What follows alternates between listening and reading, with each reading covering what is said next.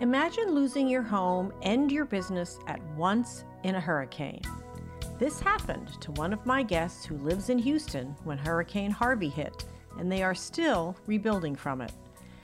Imagine one, being one of the people living in California or Australia who thought you were living in paradise until the massive wildfires wiped out your home.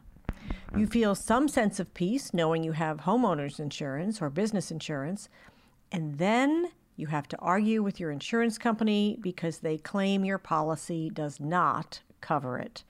Really? Really? What is the point of paying all that money for insurance then, and what can you do about it? Last year, natural disasters related to climate change, including hurricanes, floods, and fires, cost over $150 billion worldwide, according to the reinsurance company Munich Re. And they predict it's only going to get worse, with more natural disasters as climate change hits more areas with extreme weather events. What can you do as a homeowner or business owner or leader to protect your property? How can you be sure you are covered for the type of disasters that might hit your area? And how does the insurance industry itself need to change as it finally wakes up to the realities of climate change risk? Today, we're going to find out from a woman who has spent 25 years in the insurance industry. So grab your notebook and pen and tablet, or however you take notes, and listen up. Welcome to Green Connections Radio, where we bring you insights and tips from remarkably innovative women, especially in energy, climate, sustainability, and corporate responsibility related issues. I'm Joan Michelson. We talk about innovation, leadership, new technologies, and careers, always bringing a new perspective. Find us anywhere you like to listen to podcasts and on our website, greenconnectionsradio.com, and through my Forbes blog as well. And please pass it on to your friends. If you want to grow your career, we also offer career coaching, so contact us via my LinkedIn page or Twitter, or drop us a note on our Contact Us page on our website. These climate change and insurance issues are affecting home prices too. As the risk increases, home prices go down. You can explore what your government and community officials are doing to mitigate the damage to your area from climate change, but you can't control the final decisions they make, and any action they do take will not even be in place for the next storm. So, what can you do? We're going to find out today from Tina Kirby.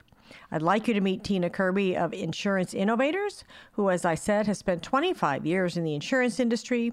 She's handled policies for Beazley, a huge insurance company based in Europe that handles mostly business focused insurance policies all over the world. They even cover six of the top U.S. hospitals as rated in U.S. News and World Report. Tina joins us today from London. So without further ado, I'd like to say welcome, Tina, to Green Connections Radio. Hi, Joan. Great to be with you. Thank you for joining us. I'm so excited. So I want to start. Pleasure. Thank you. So I want to start off with a few quick questions. What's your favorite book? I change a lot. I have. Uh, a streak of me that loves things like Malcolm Gladwell's explaining of uh, statistics and why things are what they are, and um, I find that fascinating. And then the next thing, I'll be reading a detective book or a fantasy book, or it's a real variety. But that's kind of my mentality as well. I like a variety of different things. So I would say if you want one name, here's one to look out for, and that is A Man Called Ove. Really interesting. Go with it. It's a good book. I'll have to check it out now. I'm a book freak, so there you go. Um, and who is your favorite innovator? Wow. See, I don't um, put innovators in the bracket of the ones that call themselves innovators. I think it's often the people who are just doing a brilliant job of expanding the sector that they are in, and it doesn't need to have innovation in their title. Those are the ones that are underappreciated but really doing the most in innovation. Unfortunately, those who have the title of innovation are often quite hamstrung by the fact that they're in a big organization and they can only do so much. So I admire those uh, companies like the the BlackRocks, for example, who are stepping above and outside of the comfort zone and changing a way a market thinks. And that's not a, a single individual. That's uh, those who are prepared to stand up um, and, and say something different. That's terrific. Yeah, BlackRock's CEO and their senior level team have really been out front on this, haven't they? And who they is... have, and the uh, and the combination of them together with Mark Carney and together with the UN, and that's when you begin to see the change. Um, and it's it, the, to me that those are the people that I admire because they've gone against a, a weight of their industry and said, no, actually, I don't think like this. I think we can do something more and do something beyond what we call the norm.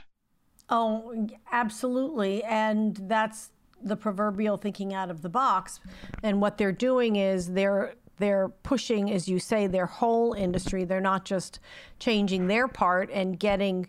Uh, I'm sure they get pushback from it, but I, I was impressed that BlackRock actually said to their clients, "We won't work with you unless you're taking this stand."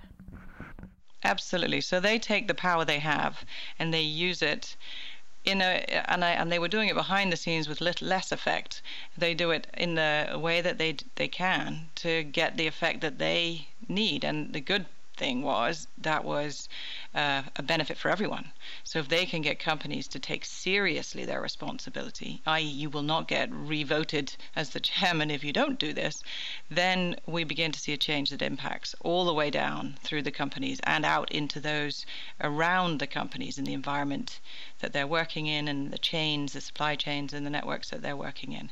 Um, but the other uh, end of the spectrum, you've got, you mentioned Munich Re, massive company uh, huge numbers of very, very um, smart, intellectual um, scientists and uh, engineers and intellectuals, and not weighed down by that. Somehow also uh, enable within that big group some really great innovations like parametric insurance, like and uh, very relevant right now, pandemic insurance. Um, so it comes in all sorts of shapes and sizes. To frame the discussion, what are the top insurance issues and trends related to climate change that you see happening now? So, climate change and insurance is a really divisive conversation. And um, insurance begins with risk and understanding what risk can affect you, which is what you alluded to at the beginning. Um, so that's who owns the risk, who's going to be impacted by the thing that happens. Then there's the advisors to those insureds, the brokers. And I say brokers in plural because often there are a number of brokers before you get to the insurance company, or also known as the carriers. And then you get to their insurers. So insurers buy insurance themselves, and they're called reinsurers. And it even goes further; they buy insurance too, and those that's called retrocession. So when I'm talking about insurance, it's that whole network. So within that whole network, there is a huge difference of opinion as to whether climate change is real, even, and whether it is caused by man or not, and therefore whether uh, things are going to be able to be changed. In, in short, the big problem is accepting if it's real or not, and then accepting whether they have to change because they still feel they can walk away. Wow. Um, how can they? How do they think they can walk away? I mean, is this the the the proverbial loophole that some of the folks that I've talked to have said they were in a disaster and they uh, uh, felt this peace of mind that they had insurance, but then discovered that their insurance was indeed not going to cover it? Is that the kind of thing you're talking about? I mean, how can they? You sign a policy, it's good, is it, or are they just finding a loophole to not have to pay? No, no, it's not that they're they're walking away. Well, there are two parts, two problems that you highlight there. Walking away is it's an annual policy. So when you come to insure again and you say, "Yes, I did have a loss. I did lose my whole house or I was in the area that was flooded." They may say, "I don't want to insure you again." They haven't broken any contract. It's a it's a uh, a mutual choice to enter into uh, an insurance relationship. So that's what I mean by they can walk away because their contract comes to an end. The the problem that you've highlighted is I'm afraid it comes to the get what you you get what you pay for. So many insurers um, are only chosen because of price and the cheaper the policy you buy, the less it's going to cover. But because of jargon, because of the the Chinese whispers that go through that chain of brokers from the insurer to the insured, uh, you may not always know what it is that you're buying. So you go for the lowest price because that's all you understand. But that might mean it's covering flood, but only if it comes from the sea, not from the river. And and and why would you think to look for that? And, and so this is a bigger problem that I think. Um, is part of why I'm moving out of being in insurance companies to try and help insurance companies to rethink their the relationship with their uh, insureds, their clients. As the world grew, as insurance became big business, and they made a lot of money and lost a lot of money, but memories are short. The purpose of insurance has been slightly lost to that profit from insurance, and the volume needs efficiency, and that's fair, but it means it is an off the shelf, here it is, you take it or you leave it. And if I'm competing only on price, then it's a race to the bottom. And so for me to not lose money as an insurance carrier, I can only offer the the amount or the width of cover that is commensurate for the price that you're prepared to buy it for. But that's that is a nonsensical relationship with your insured because when it comes to the problem the insured is not happy you're not happy you're not paying for what the real out the loss is to the client, and you're going to end up not having enough money to cover um, the insurance costs.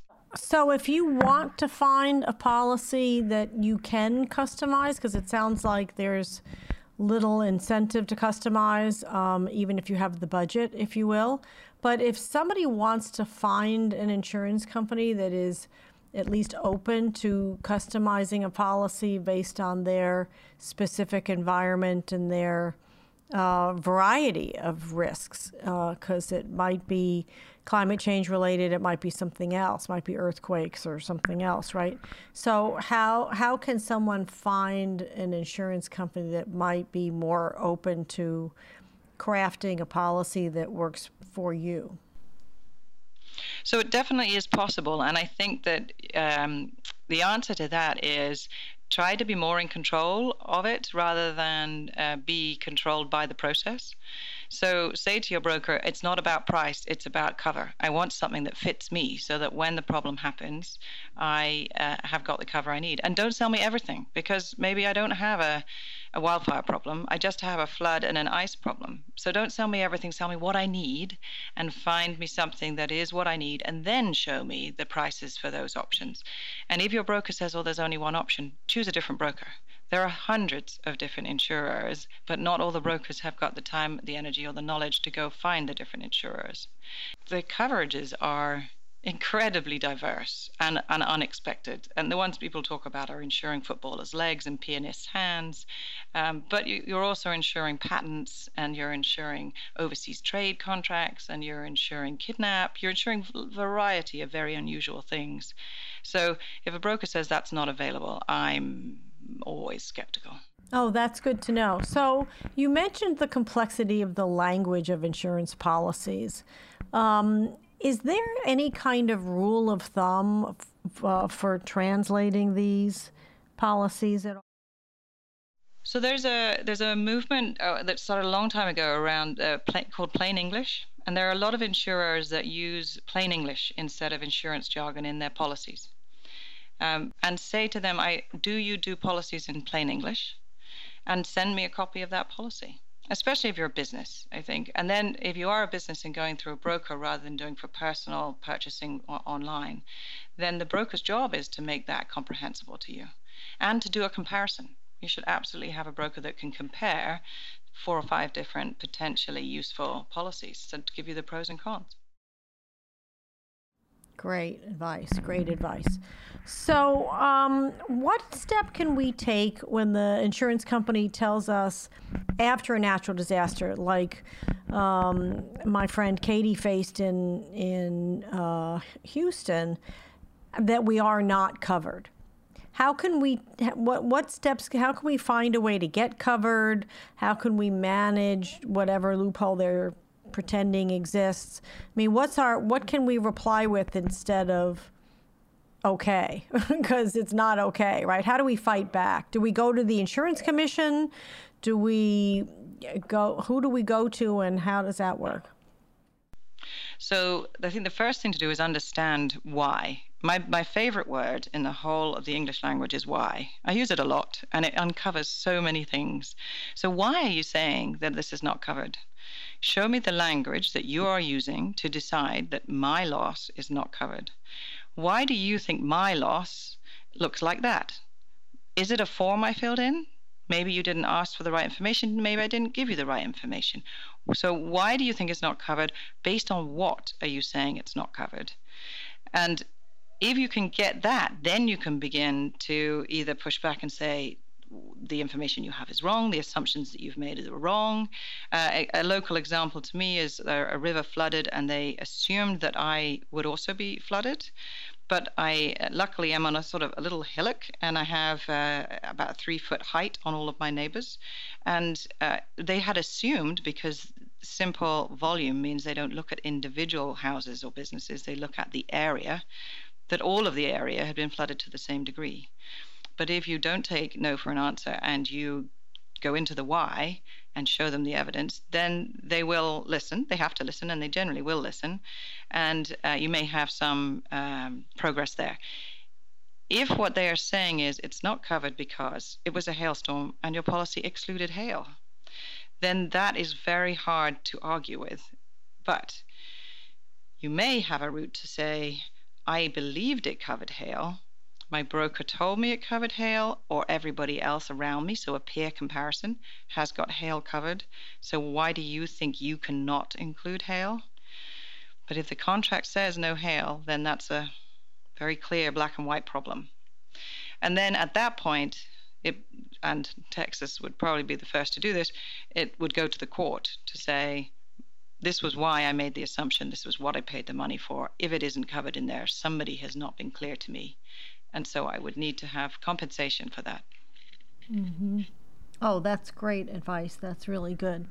Um, but when you think about what you are claiming from an insurance perspective, it's partly the property damage, but it's largely also your business interruption. So your lack of sales, your lack of being able to produce things, of being able to distribute things, and if your building is a fantastic five star weather resistant building, that is totally irrelevant if all of your community around you is not. You won't have employees, you won't have visitors, you won't have guests if you're a hotel or a gym, you won't have the bridges and roads if you're distributing.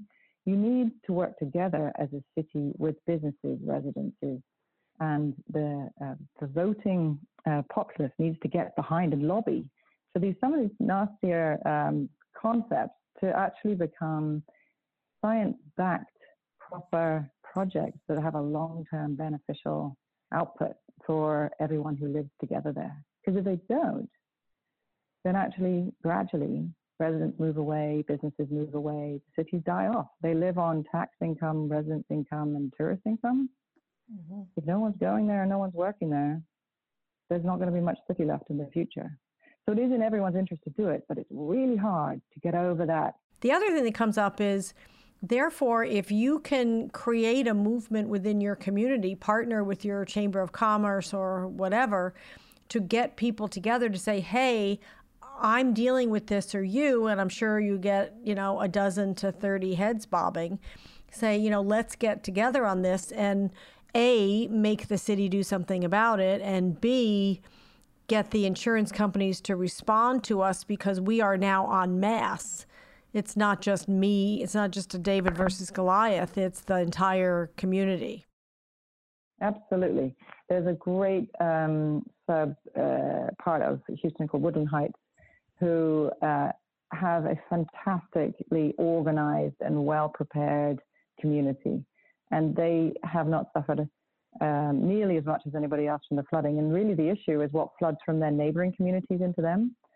Uh, but they get the benefit of that because, of course, everyone can see their loss record is good, better, and they um, can prove that they have raised their carports, they have raised their houses, they have done all the right mitigating factors, in other words.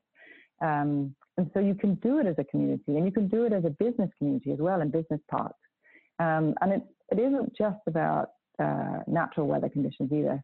We're also talking about security, talking about cybersecurity as well. Mm-hmm. All of these issues, you're stronger together, and you have a, a message that you can then deliver to your insurer to say, "I recognize the risk, and I've done this about it, and therefore treat me differently." Exactly, and in fact. Um, I've uh, all listeners who are listening to this. I've interviewed many people who work in climate change resilience, and they can listen to any of a number of them: Rawlings Miller of WSP, or um, Catherine Burgess of the Urban Land Institute, or um, I think Kathy McLeod of the Atlantic Council Resilience Center. I mean, there's lots of people working doing this kind of work. But if you want kind of a primer and some resources, just go to our website and put in climate change or resilience and you should get a whole bunch of them or reach out to us and and we can help you find those because there is a lot going on. And then you can also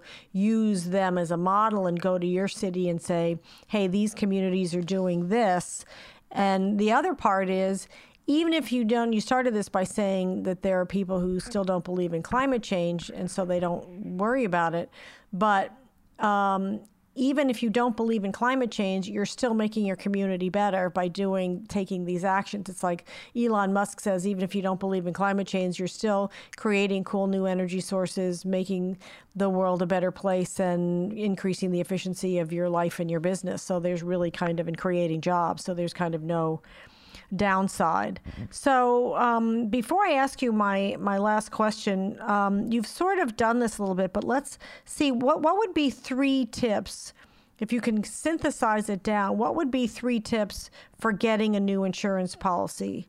Would it be customized? Would it be? I love your question of why, but it. Um, what what besides making a list of what you are actually insuring, um, tell us what tips might be. So, so I would say there are three steps. So one is understand the risk that you face, which is not quite as simple as it sounds, especially if you're running foot to the pedal to get a business going or keeping it going. It's hard to imagine all of those things that haven't ever happened to you yet, but they are happening to your peers around you. So understand the risks that, that face those that are like you. The second is then assess how much that is an, how much impact that might have on you. So the quantum of it. So how frequently would this thing likely to happen? And then if it did happen, is that an existential bankrupting type problem, or is it an annoying, time consuming, but not hugely valuable problem? And then thirdly, what do I do about it? And insurance is only one. What do I do about it? You can mitigate your risk in many ways you can um, prevent things, you can train yourself better, you can have disaster recovery, business continuity. These things are they're, they're almost uh, you know the bottom of everyone's list in terms of uh, interest and uh, attention. These are the things that will keep you going uh, when the unexpected happens to you. One of the outcomes is I've done my assessment. I've seen the things that are going to impact me. I've mitigated as much as I can but A, B, and C are massive. And if they happen, I'm not going to be able to survive. Those I buy insurance for. And so then I take that knowledge I have to a smart broker and I say, key there, smart broker. So not someone who says, buy this because I have this. Someone who says, I've heard you. This is what you need. It fits your issue. And you say, these are the three things that I think would be too big for me to manage. So tell me the ways in which I can transfer that risk. And if they give you one or a quick answer, make them bill again. It's their job. You're paying them. You don't think you're paying your broker, but part of your insurance premium goes to the broker. So you are paying them to do that research for you in a world that you don't understand well and they do. So make them do the job, do a comparison, and solve those big three that you've identified. That would be my tip to getting insurance that's the right stuff for you that really will enable your business and your uh, life to be less stressful and more productive. So it is a business enabler rather than a cost. Oh, that's great. That's great. Um, just really quickly, how would one go about finding a, as you say, a smart broker? Because there are a billion brokers out there.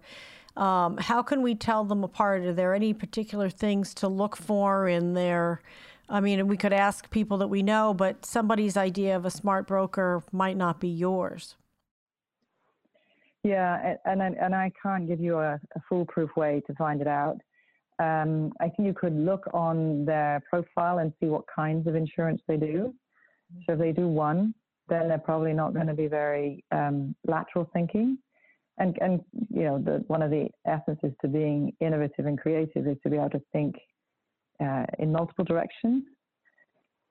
I would I will say that a female broker is probably going to be better than a male broker. Huge generalization. This is going from personal experience. Women are better at making connections between different things and then saying, because you mentioned X, I think that Y is going to be the real answer for you. Whereas I have found that men tend to follow a path of, you want property insurance, here's property insurance.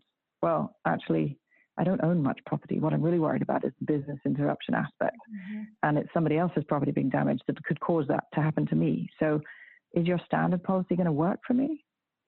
So I think that you you have to invest time in order to to, to save and time later is really the old adage that works here because the discussion you do at the beginning to choose the right broker and quiz them, make them work for it, will save you having much more heated and uncomfortable discussions later when you're not getting what you expected.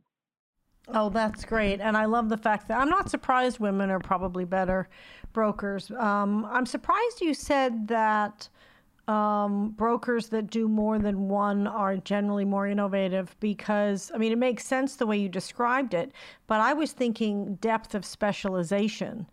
Um, but what you're saying is they may be able to take lessons or insights um, or models from insurance A and apply it to insurance type B? Yeah, so where it really works to be an expert is to be an expert in a sector. Because a sector, let's take oil and gas, has to understand how to manage, mitigate, and potentially transfer risk for everything from people damage to property damage to um, business interruption to patent insurance to overseas travel and kidnapping and political, uh, everything. So you can be a deep sector expert and understand multiple risks across the whole spectrum.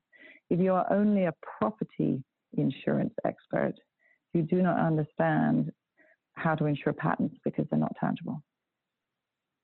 So deep expertise is great as long as somebody around them can connect all of those different deep experts to give you that um, holistic answer. So a good broker should not be a deep expert in one one insurance type. They should know all of the types that exist and be able to join up those deep insurance um, underwriter experts to give you the proper um, complete picture that you need as your risk transfer mm-hmm. picture. And they, and can, they even can, even say, well, well since, since you're you know, doing, X, Y, Z, you know, do you need this? I mean, not, I mean, yes, it's an upsell, but they might also be protecting you. And what you're saying is take the time up front, which could save you a fortune in money, not just in your policy, but in loss down the road. You may, you know, you could recoup a lot more, right?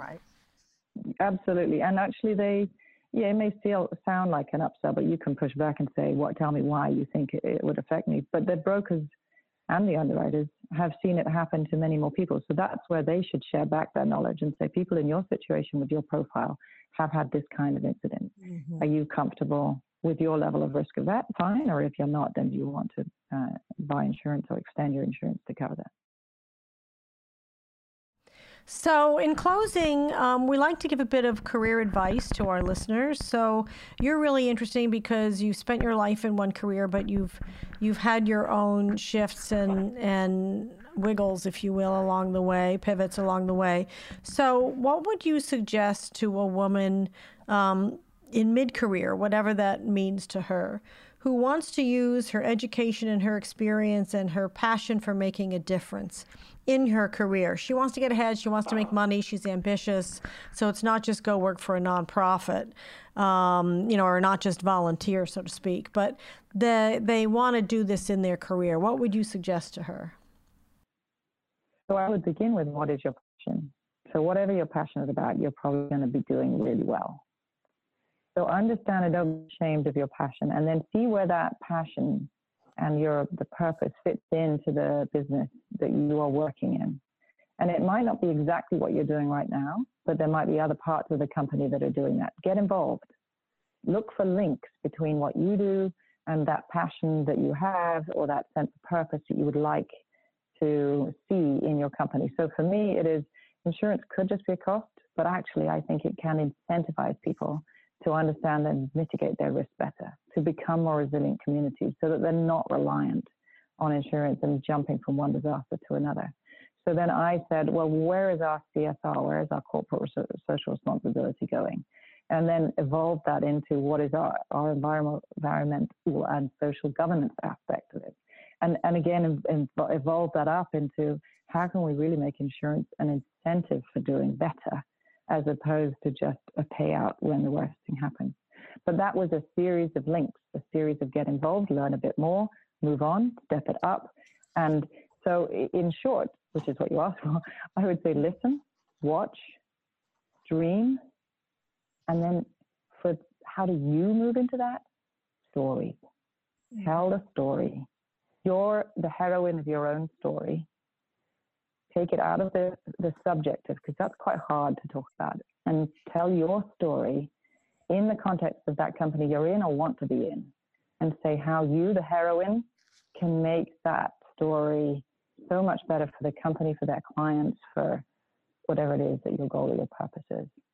But the key is, the key to success, I would say, is be curious and be open minded and help out wherever you can because you will learn all on every experience you do, add that to your learning, but be curious. Oh, I love that. That's great. Yes, absolutely. Listen, watch, and be open minded um, and dream. That's great. That's great. Well, thank you so much, Tina. Um, I could tell I could talk to you for about five hours about all of this stuff. Um, thank you for sharing your knowledge with us. It's obvious that you're, you're the depth of your knowledge and your passion for making insurance into something positive instead of just something we sort of have to deal with. Yes, and I don't think that that is dreaming. I do think that's what it was and what it should be. And uh, that old story of, you know, you, you can make money out of doing things well. I'm a great fan of uh, this concept called obliquity. So here's another book for you. Jay, um, what's he called? John Kay wrote it, Obliquity, How Our Goals Are Best Achieved Indirectly. Oh. So if you aim to deliver an amazing, this is how I interpret it for business. If you aim to deliver an amazing service, an amazing product, it is no surprise you'll also make profits. But if you aim to deliver profits, you're unlikely to deliver the highest quality of product or service. Oh, I might have to pick that one up. That's a great book. I love that idea. That's really terrific. Thank you, Tina. I appreciate that. So, thank you so much for joining us today on Green Connections Radio, Tina Kirby of Insurance Innovators. So, what are your insurance challenges? If you lost your home or business in a natural disaster, how did you deal with the insurance issues? Tweet it to us at Joan Michelson or post it on our Facebook page and like the page while you're there. And thank you for leaving us review on Apple Podcasts or wherever you like to listen to podcasts. And please pass it on to your friends. And remember, if you want to gain some career support, please email us as well. I'm Joan Michelson. Thank you for joining us. See you next time.